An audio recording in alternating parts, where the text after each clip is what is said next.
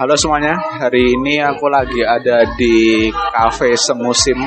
Ini ada di Jalan MT Haryono dekatnya kampus UB. Di video kali ini aku mau sharing sedikit sih buku baru yang selesai aku baca. Judulnya Home of My Cheese. Jadi Home of My Cheese ini buku yang isinya tentang perubahan yang terjadi dalam hidup. Pada empat karakter utama ada Sniff, Scurry, Ham, dan How. Mereka dihadapkan dengan kondisi yang tidak mengenakan. Beberapa dari mereka berhasil beradaptasi dan bisa melewati rintangan yang mereka hadapi. Buat teman-teman yang kepo sama buku ini langsung aja bisa cari di Google, di internet ada buku ini versi online-nya. Barangkali bisa menjadi referensi buat kita yang sedang ada di fase perubahan maupun sedang menghadapi pandemi seperti ini. Poin yang di-highlight adalah ketika ada masalah yang mulai dari hidup kita, kita jangan menyalahkan orang lain atau keadaan yang terjadi. Tapi gimana caranya diri kita ini bisa menemukan solusi dan evaluasi supaya bisa menghadapi masalah yang terjadi.